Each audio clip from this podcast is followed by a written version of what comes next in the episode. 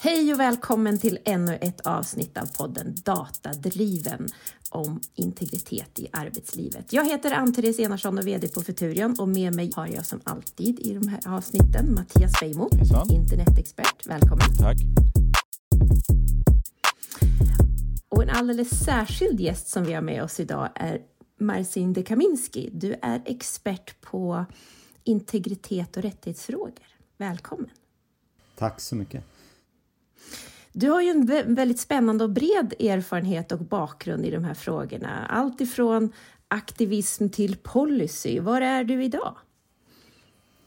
Ja, mig känner man ju, tror jag, som eh, en eh, ganska bred eh, internetexpert, men just med fokus på rättighetsfrågor och det är någonting jag jobbat med under de senaste 10-15 åren.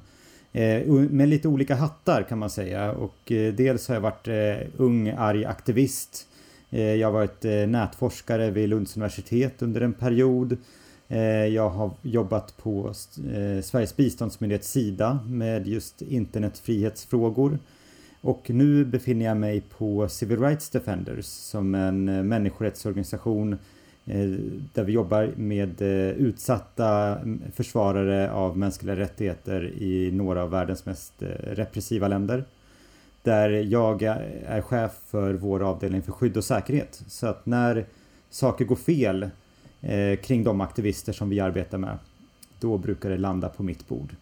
Och det inkluderar ju då till exempel övervakning, hacking, digital osäkerhet av olika slag.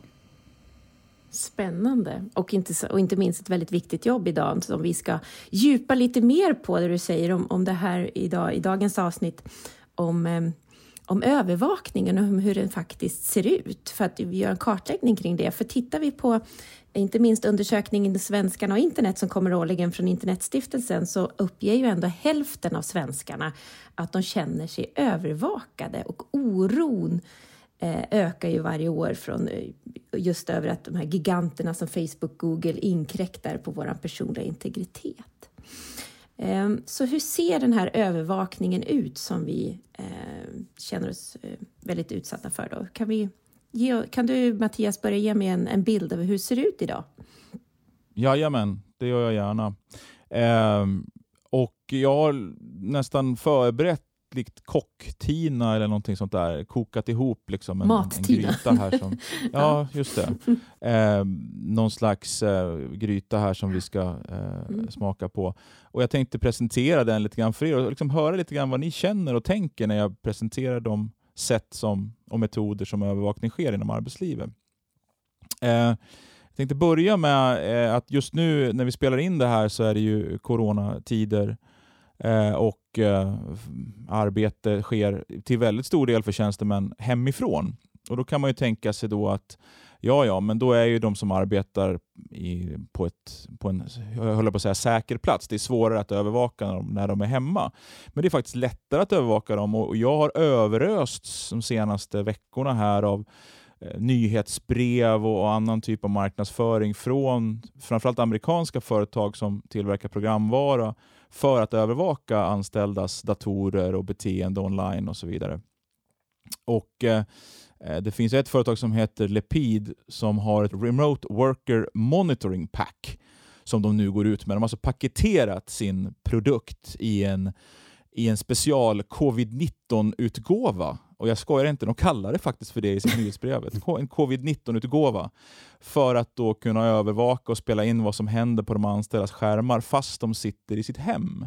Och På så vis då kan man se till att inte Ja du, att, att äh, Marcin och du, ni, ni sitter inte där och liksom kollar nu när vi ska jobba här, att ni kollar på Facebook och så. Ehm, och Det är syftet med det då. Samt att se då man kan också mäta hur många timmar och minuter man är aktiv och med vad man är aktiv. Om man har öppnat de här viktiga dokumenten eh, innan mötet eller inte. Så när man drar igång mötet med chefen då kan chefen se nej men Marcin har inte öppnat det här, den här powerpointen som jag vill att ni skulle läsa. Och Allt det här görs möjligt då med hjälp av programvaror som nu har paketerats speciellt för den tid vi lever i. Och Det är ganska intressant om man tänker sig en framtid när, när um, Eh, när övervakningen eh, blir allt mer starkare, som du var inne på, och när också eh, vi antagligen ser en, eh, lite grann en försmak av den arbets, eh, arbetssätt som vi kommer att ha i, i, framtiden i form av att arbeta hemifrån eller från andra platser och på olika tider mer än idag. Då är det, snar, inte, det är snarare så att övervakningsmöjligheterna ökar i och med detta, i och med att man måste koppla upp sig mot arbetsplatsen. Eh, snarare att de minskar, vilket man skulle kanske tro att eftersom man kommer bort från den fysiska platsen, arbetsplatsen. Så jag vet inte vad ni känner eh, inför det? Jag, jag tycker ju förstås inte att det här är en, eh, en, eh, en sund väg framåt om det gäller att skapa en, en acceptabel digital arbetsmiljö. Eh, jag tycker det är väldigt problematiskt just i och med att det har ändå funnits en diskussion, tycker jag, under många år när eh, arbetsgivare och eh, diskussionen kring arbetstagares möjlighet att jobba digitalt ändå har kretsat kring att man också måste säkerställa till exempel en hygglig digital arbetsmiljö, man ska säkra integritet, man ska inte se till att folk känner sig kränkta eh, eller att deras integritet blir kränkt över, över internet just av den anledningen att man vill ha en arbetsplats som, som präglas av tillit snarare än någonting annat. Eh, och då blir det lite problematiskt när det dyker upp den här typen av tjänster. Eller kanske inte att tjänsterna dyker upp men snarare om, om de faktiskt är attraktiva på riktigt. Mm. Eh, tjänster som den, den du beskriver och det finns ju en, en rad fler. Jag utgår från att vi kommer hinna toucha på ja. fler. Eh, är ju väldigt tydliga exempel på att allt man kan göra kanske inte är sånt som man ska göra. Nej. Nej. Jag vet ju, vi har ju tidigare liksom pratat mycket i andra sammanhang och jag, du brukar trycka på liksom, vilket många gör och, och jag med, fast kanske inte lika mycket som du. Vi kommer kanske tillbaka till det. Men det här med att tekniken i sig är inte problemet på något sätt, utan det är hur vi använder och hur vi tillåts använda och hur samhällets etiska ramverk gör det möjligt för oss att i det här fallet då, övervaka människors arbete fast de sitter i det de tror är en säker hemmiljö. Eh, så menar du liksom Marcin att det, det, det, är ett etiskt juridiskt problem och inte ett tekniskt problem egentligen? Ja, det, det, är ju tekniskt eh, verktyg, eh, men verktygen finns ju där och då handlar det snarare, menar jag, på just vem, vem som använder dem och varför och till, till vilken nytta. Eh, och de här produkterna som nu kommer eh, har vi ju sett tidigare. Alltså det är ingen nyhet att man kan eh, kontrollera vad folk gör på, på skärmar. Men just det här steget från att vara en, en övervakningsprodukt till att vara någonting som är närmast en, jag vet inte, en digital new public management verktyg kanske inte riktigt är det som som jag betraktar som en progressiv rörelse. Nej. Utan här är någonting annat som har hänt. Men kommer det... Och det är det vi bör prata ja, om. Jag tänkte också, jag var nyfiken utifrån nu, nu är inne på coronatider. Ehm, att vi ändå eh, även där har liksom, vi, har, vi är ju präglade som samhälle, det här med den svenska modellen och till, hög, hög, hög tillit i samhället och så generellt. Det borde väl ändå också hjälpa, finnas på arbetsplatsen i mångt och mycket. Det, finns det liksom fäste för såna här produkter, ser du Mattias, inte minst eh, på den svenska arbetsmarknaden? Vi, vi, har väl andra marknader som du Marcin kan exemplifiera som är andra nationer som har en helt annan inställning och tillit till sin befolkning och penetration av olika eh, övervakningsmekanismer. Ja, men det, det här, ofta när man diskuterar det här så diskuterar man det som ett kanske amerikanskt och i viss mån asiatiskt fenomen. Men eh, jag har sett, och många med mig har ju sett, hur de här programvarorna blir allt vanligare de senaste åren även på svenska arbetsplatser.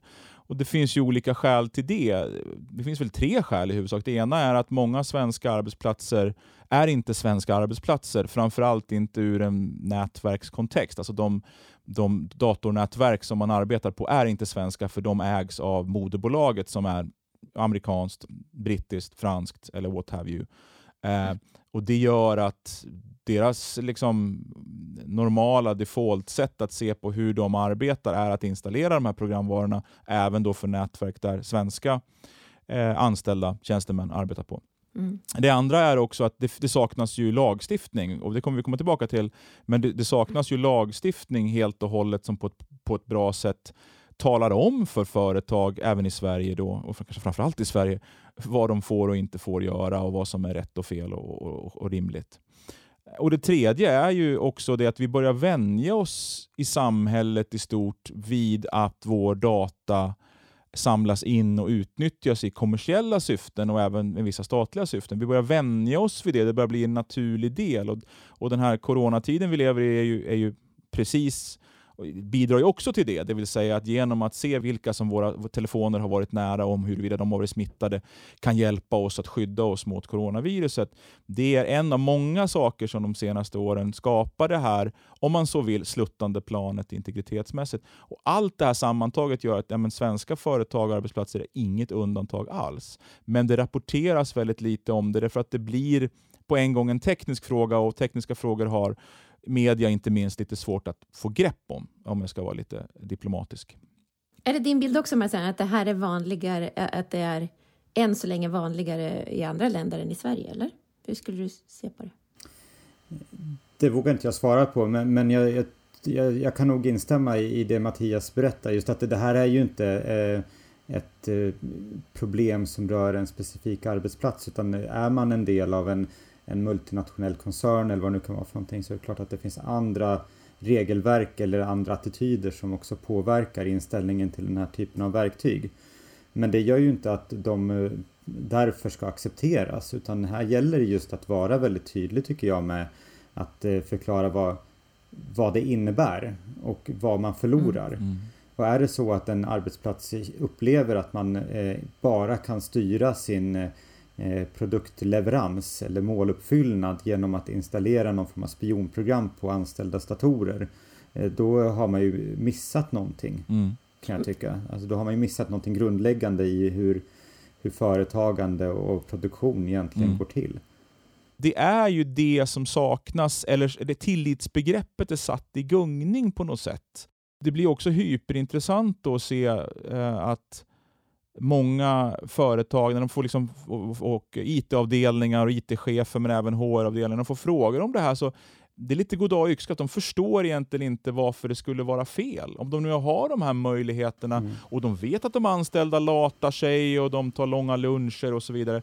Då tycker de att det ligger lite grann i deras rättighet att se till att, att, och kontrollera att det arbetet som de betalar för utförs. Så, och de tycker att tilliten bröts av den anställde först på något sätt och det här är bara liksom en effekt av, av det tillitsbrottet från den anställdes sida. Så det, ja.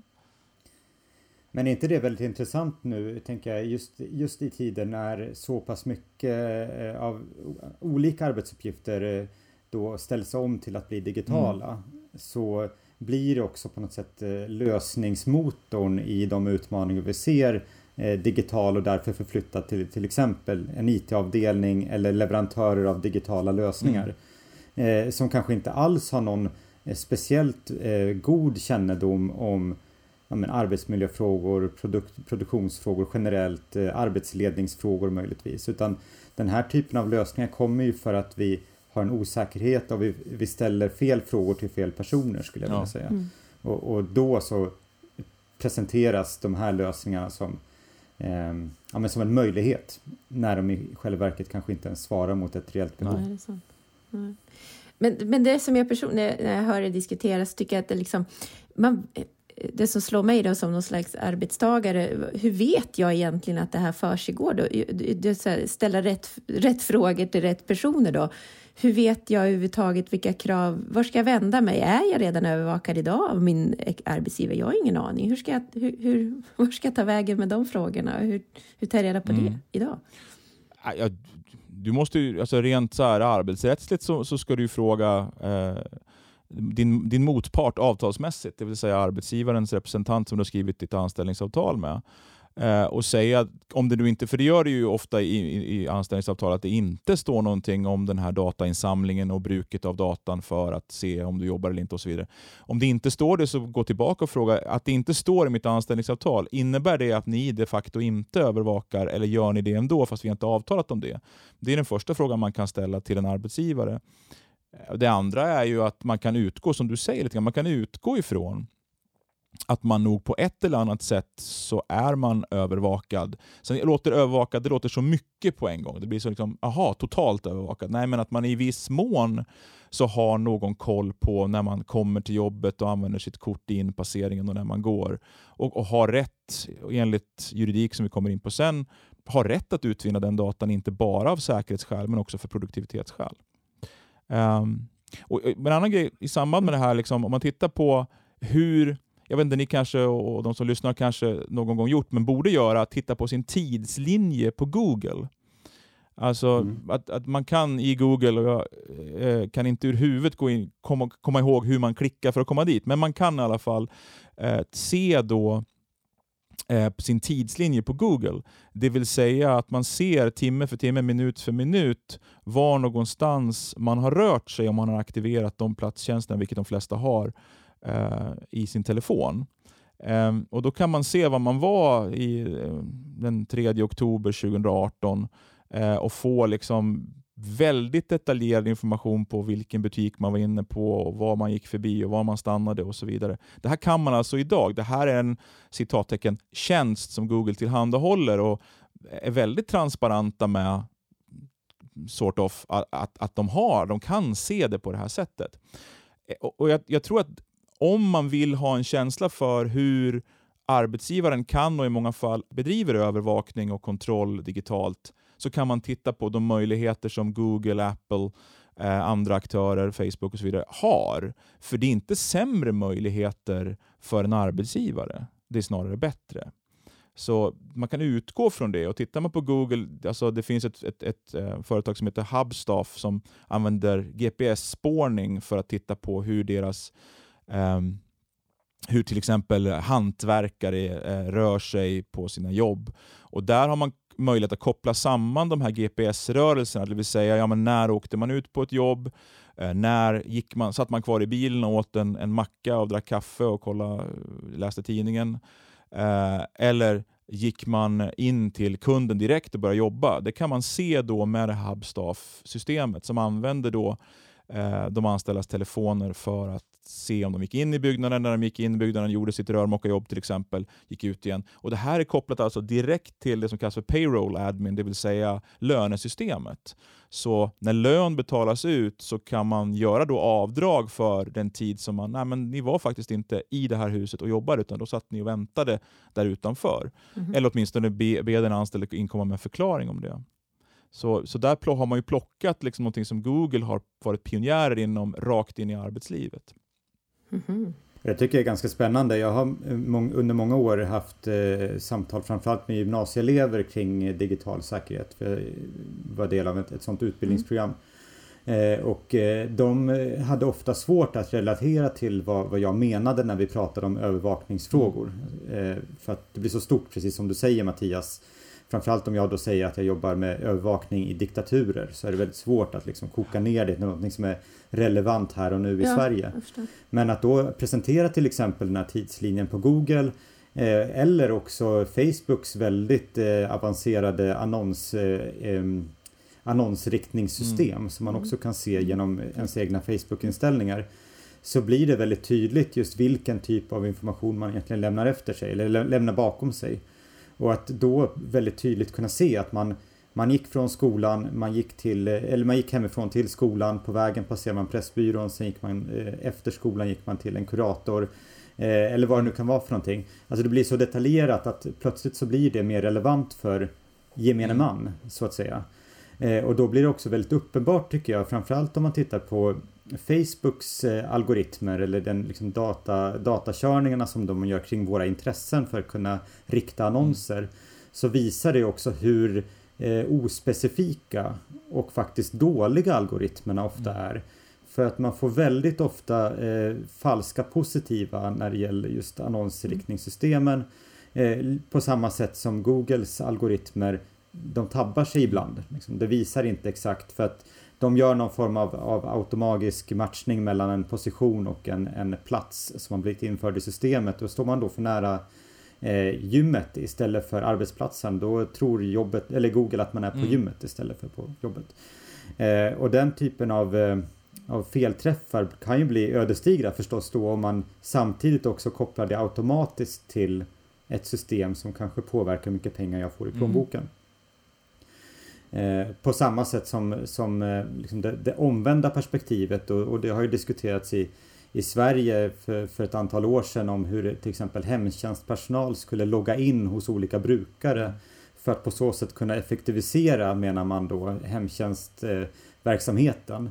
Eh, och tanken där var väl någonstans god att brukarna skulle kunna få betala för exakt den tid de mm. fick. Precis som man inte ska lata sig i lastbilen utan istället utföra ett arbete. Men de facto resultatet blev att, att hemtjänstpersonal istället blev hårdare piskade till att utföra fler tjänster under mm. en, en dag. Yeah. För man kunde micromanagera dem digitalt. Och det är ju verkligen eh, en, en, en utmaning där som återigen visar just att ja, det är tekniska verktyg och hjälpmedel. Mm. Men det handlar så otroligt mycket om vem som egentligen implementerar det, vem som läser av det, hur man tolkar det och sen vad man gör av analysen i slutändan. Mm. Eh, annars så, eh, om man bara ser det som, som en app, mm. liksom, då, då, tror jag man missar Jag är nyfiken, när du har mött så många elever och deras reaktioner på det här med övervakning, vad är din spontana... Eh, vad, vad, är det, vad säger de? Vad tycker de om det här med övervakning? Är de mer... Eh, är de lite mer skeptiska som en äldre generation många gånger är? Eh, eller är man liksom digital native, infödd i det? Det, här är liksom det är naturlig utveckling, det här är vårt, det är ert liksom tak med vårt golv. Jag tycker nog att sådana samtal oftare med unga än med äldre kan bli väldigt intressanta wake-up calls lite grann. Eh, för att många av dem som jag träffar eh, eller har träffat i, i, i, mina dagar då eh, är ju väldigt, precis som du säger, uppväxta på internet. De kan ingenting annat kanske, de vet inte hur, hur det såg ut innan internet. Eh, men samtidigt så har man inte alltid heller den liksom eh, vad ska man säga, sociala eh, utforskningen av internet heller problematiserat så mycket. Så att den här känslan av att jag, jag har inget att dölja, jag har rent mjöl i påsen, den är väldigt djupt integrerad och rotad i, i, i den här ungdomskulturen som dessutom är väldigt transparent på internet.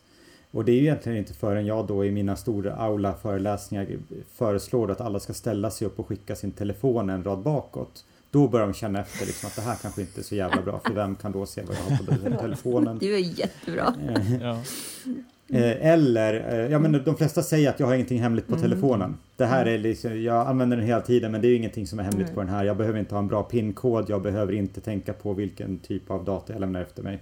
Men man vill kanske inte heller då att, eh, att någon man inte känner ska titta på den. Ja, varför då? då mm. liksom. eh, eller det faktum när jag säger att här, Google spårar er hela tiden. Alla säger ja men det spelar väl ingen roll för de har ju koll på allt. Och sen så visar det sig då att ja men alla känner ju någon som kanske inte vill att föräldrarna ska veta att man har varit på ungdomshälsan. Mm. Eller alla känner någon som inte vill att eh, kompisarna ska veta exakt vad man gör med sin, alltså, var, var, man har sin pojkvän eller vad det nu kan vara för något. Alltså det finns alla sådana här personliga eh, historier som kan komma fram i sådana samtal. Men de kommer ju inte förrän man också förklarar. Mm. Så här funkar mm. det.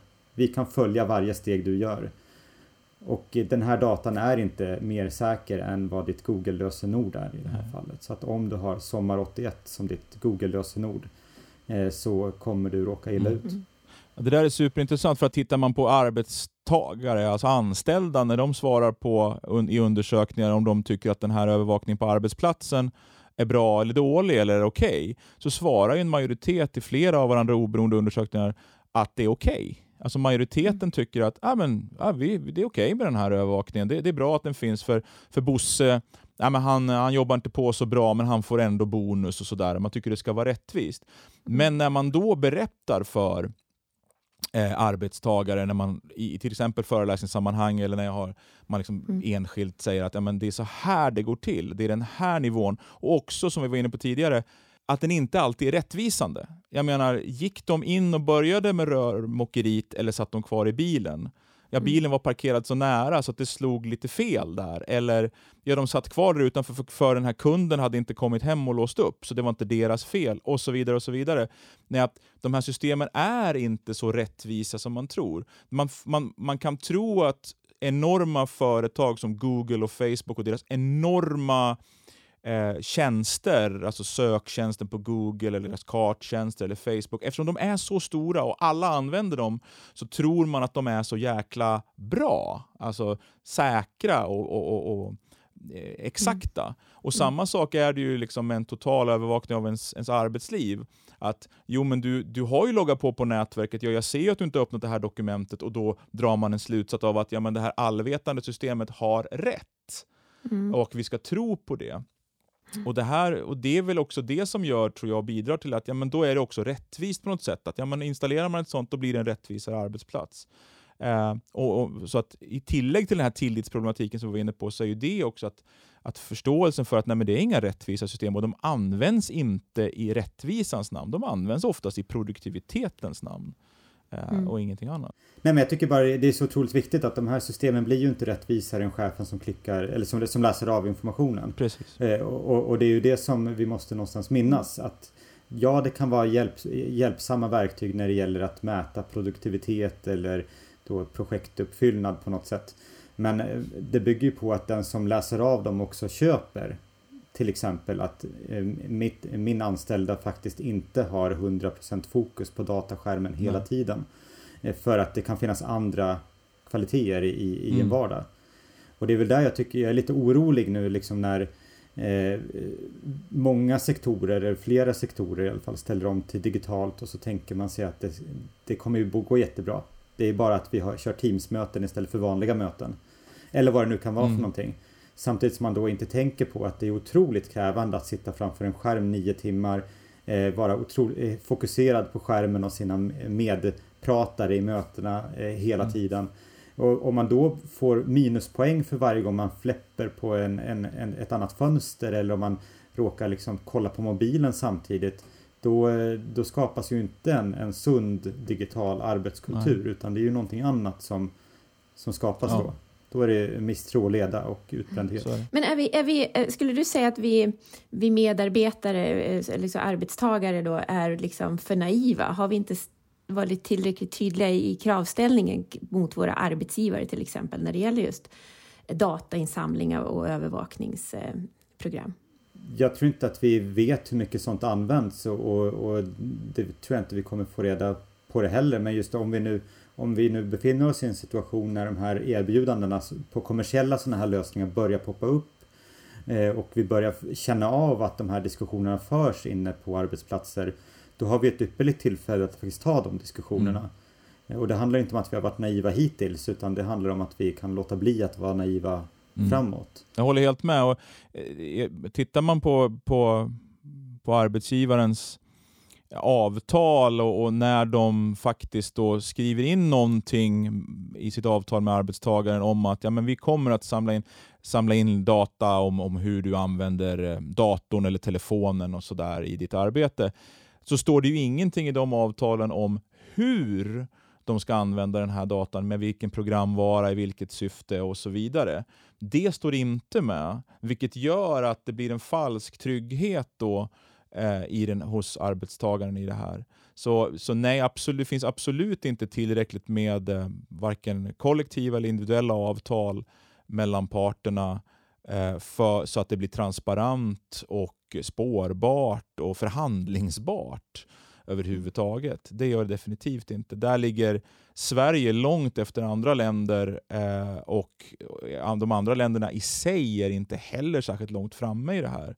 För som Marcin säger, att den här utvecklingen springer, som vanligt så springer teknikutvecklingen före och legislaturen och etiken och samhället jagar efter. Eh, som så har mm. varit, och Marcin och jag som har varit med som är gamla, de gamla gubbar vi är. Liksom. Det här återupprepas gång på gång på gång. Liksom jo, men det, inte... vi, vi hade i tidigare avsnitt exemplet med att vi hade ju inte högerregeln före liksom, bilen kom. Så var det ju. Nej. Mm. Nej, just det. Just det. Så det, lagstiftningen ja. kommer ju alltid efter. Mm. Ja, precis. Mm. Men, men, men jag tänkte på den utveckling av artificiell intelligens vi också ser nu. Är det, är det någonting vi ska vara ännu mer vaksamma kring, kring då och den på, eh, övervakning som sker? Ja, ja alltså för, för många tror ju att insam, många blandar ihop statistik med artificiell intelligens. Det vill säga att ja, ja, de samlar in den här datan för att lägga in i ett Excel-dokument och före medarbetarsamtalet så tar chefen fram det här Excel-dokumentet och säger ja Mattias, eh, det finns eh, Marcin här, han är ju väldigt, väldigt mycket mer effektiv än vad du är så att du får steppa upp lite. Så går det ju inte till datat används ju inte bara och kanske inte framför allt ens till att göra några Excel-ark för då New Public Management till exempel, utan görs ju för att titta på mönster. Att lägga samman med annan data för att titta på vad som kan göras eller vad som borde göras. Och det kan ju vara eh, allting från att peppa någon till att faktiskt sparka någon. Eh, eller överlåta arbetsuppgifter till någon annan. De här mönstren är det som talar om det för systemet som sen ger ett förslag till HR-chefen eller HR-avdelningen eller, eller vdn eller vem det nu är då.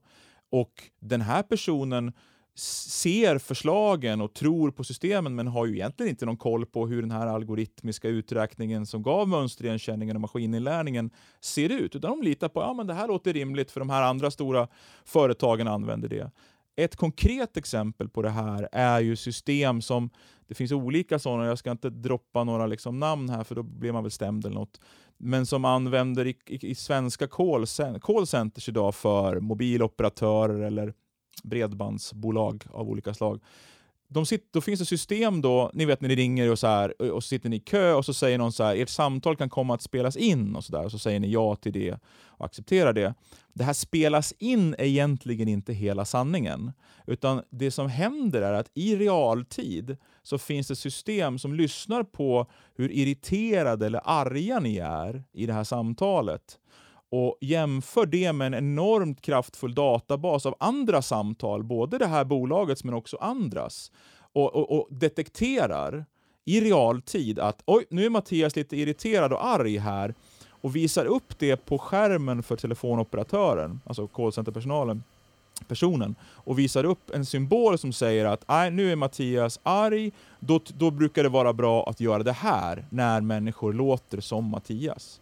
Alltså min röst analyseras i samtalet och jämförs med mönster från ett tusentals, miljontals andra röster och då finns det saker som systemet vet brukar lösa den här grejen. Systemet kan också då föreslå att det finns, för det kan finnas någon annan som bevisligen har varit bra på att ta arga människor, alltså en annan callcenter-person. Och det är vad som händer. Ibland så säger någon ursäkta jag ska koppla dig till någon annan, ibland säger de sin överordnade eller någonting sånt där. Vad som egentligen händer är att systemet säger ja, det här är, det här är inte Bengt så bra på att ta om hand. Det här får, får Ann-Therese ta om hand för att hon är bra på att hantera äh, arga människor. Det vet vi i systemet. Hon har 94 procents uppklarning och, och, det har inte Bengt, han har bara 72. Det här är ett konkret exempel från flera system som har den här möjligheten. Mm. Mm, jag tycker det är spännande. Jag vill dra mig till minnes en, en historia från eh, mitt förra jobb då när jag jobbade i biståndet och eh, jag ska inte heller hänga ut vilket land eller vilken aktör men jag hade så otroligt intressant samtal med en eh, stor organisation som eh, var då innovativ inom citationstecken och hittade på eh, nya smarta lösningar. Och de hade då ett lokalradioprojekt i ett land. För att i, i det här landet så var lokalradion det stället där medborgare egentligen, man ringde in och så berättade man om sitt liv lite grann och om eh, problem man hade och utmaningar. Och det var liksom den stora källan till, eh, eller stora möjligheten till eh, felanmälan av saker som var fel i, i, i samhället.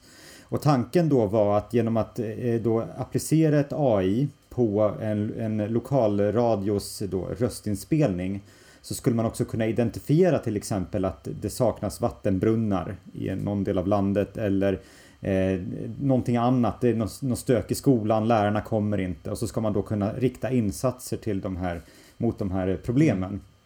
Men problemet var, det de inte hade tänkt på var att på samma sätt som man då kan identifiera eh, då, eh, oro över eh, den här typen av väldigt viktiga saker så kunde man också identifiera till exempel oro och gnäll på, på mm. staten mm. eller myndigheter eh, på ett sätt som, som faktiskt kunde sätta folk i, i klistret. Mm. Eh, och vi gick aldrig vidare med den här projektidén och det var ju klokt just av den anledningen att det handlar ju kanske inte då om tekniken för den är ju supersmart liksom. Mm. Att man, man lär sig att optimera system och man kan liksom dra nytta av tekniken och man slipper sitta och lyssna för man kan inte sitta och lyssna på alla de här lokalradiostationerna i realtid och göra tolkning utan man måste ju på något sätt göra en datakörning. Men det handlar ju då om vem som plockar ur datan och vem som egentligen lyssnar på den och vem som sen gör mm. åtgärder. Och på samma sätt så, så det är väldigt likt det som du berättar Mattias, att när vi tror att vi blir inspelade i kvalitetssäkringssyfte eller vad nu kallar det, så kanske i själva verket det handlar om att vi blir mer eh, snärjda in i någon form av konsumtionsmönster som vi inte hade tänkt oss. Mm. Mm. Vilken samhällsdebatt tycker du att vi behöver? Vad är det som behövs liksom för att raise awareness och öka kunskapen och, och, den här komplexiteten i den här teknikutvecklingen som vi ändå befinner oss i?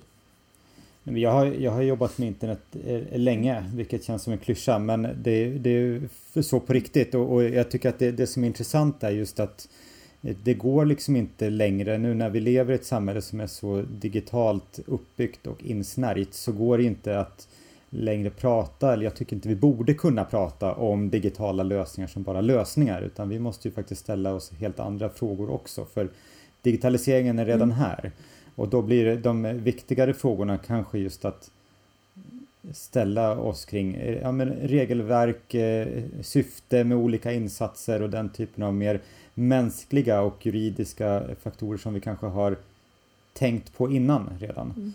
Mm. Eh, och i det här fallet så, så tycker jag att det blir så himla tydligt att om man eh, om man skyller på eller man hävdar att tekniken är här för att hjälpa oss utan att också ställa frågorna om vem som bestämmer mm. så missar man någonting. Mm. Så mer kritiska frågor är det du efterlyser? Ja, vi ska i alla fall inte förlita oss på att tekniken eh, bara är av godo, att alla tekniska lösningar som kommer faktiskt kommer hjälpa oss, utan vi måste ifrågasätta dem och vara kritiska, annars så eh, blir det liksom inte bra. Nej. Om, du skulle, om ni två skulle ge varsitt medskick liksom till, till Sveriges fackförbund, mm. vilken, fråga, vilken fråga skulle man ställa sig då? För mig är frågan, eh, vet vi verkligen vad arbetsgivarna håller på med avseende övervakning, uppföljning, AI-användande för att mm.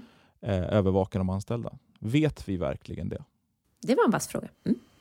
Och jag skulle nog eh, jag skulle ställa frågan om utifrån just den här diskussionen om digital övervakning så tycker jag att det är viktigt att ställa sig frågan vem som egentligen eh, var beslutsfattandet ligger kring eh, frågor som rör arbetslivet. Ifall det är i en överenskommelse mellan arbetsgivare och arbetstagare eller om det ligger på en IT-avdelning.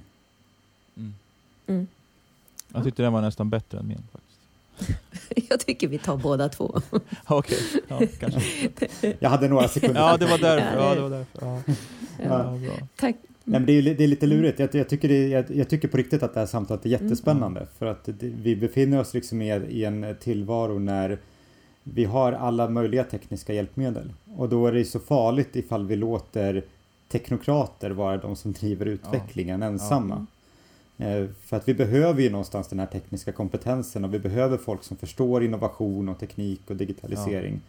Men om man låter bara dem driva utvecklingen då kommer vi inte få ett samhälle som, som faktiskt fungerar bortom tekniken. Så du, du, vill se fler som tar ledarskap i frågan? Ja, framförallt så tror jag att det är viktigt att inte släppa ledarskap och inte släppa ledarskapet till teknokrater utan här är någonting annat som, som krävs. I nästa avsnitt av Datadriven fortsätter vi samtalet med Marcende Kaminski och Mattias Beijmo. Då ska vi bland annat prata om vilka lagar och regler som finns för övervakning i arbetslivet. Och hänger lagstiftning och avtalen med när det gäller den snabba tekniska utvecklingen? Jag hoppas att vi hörs då. Hej då!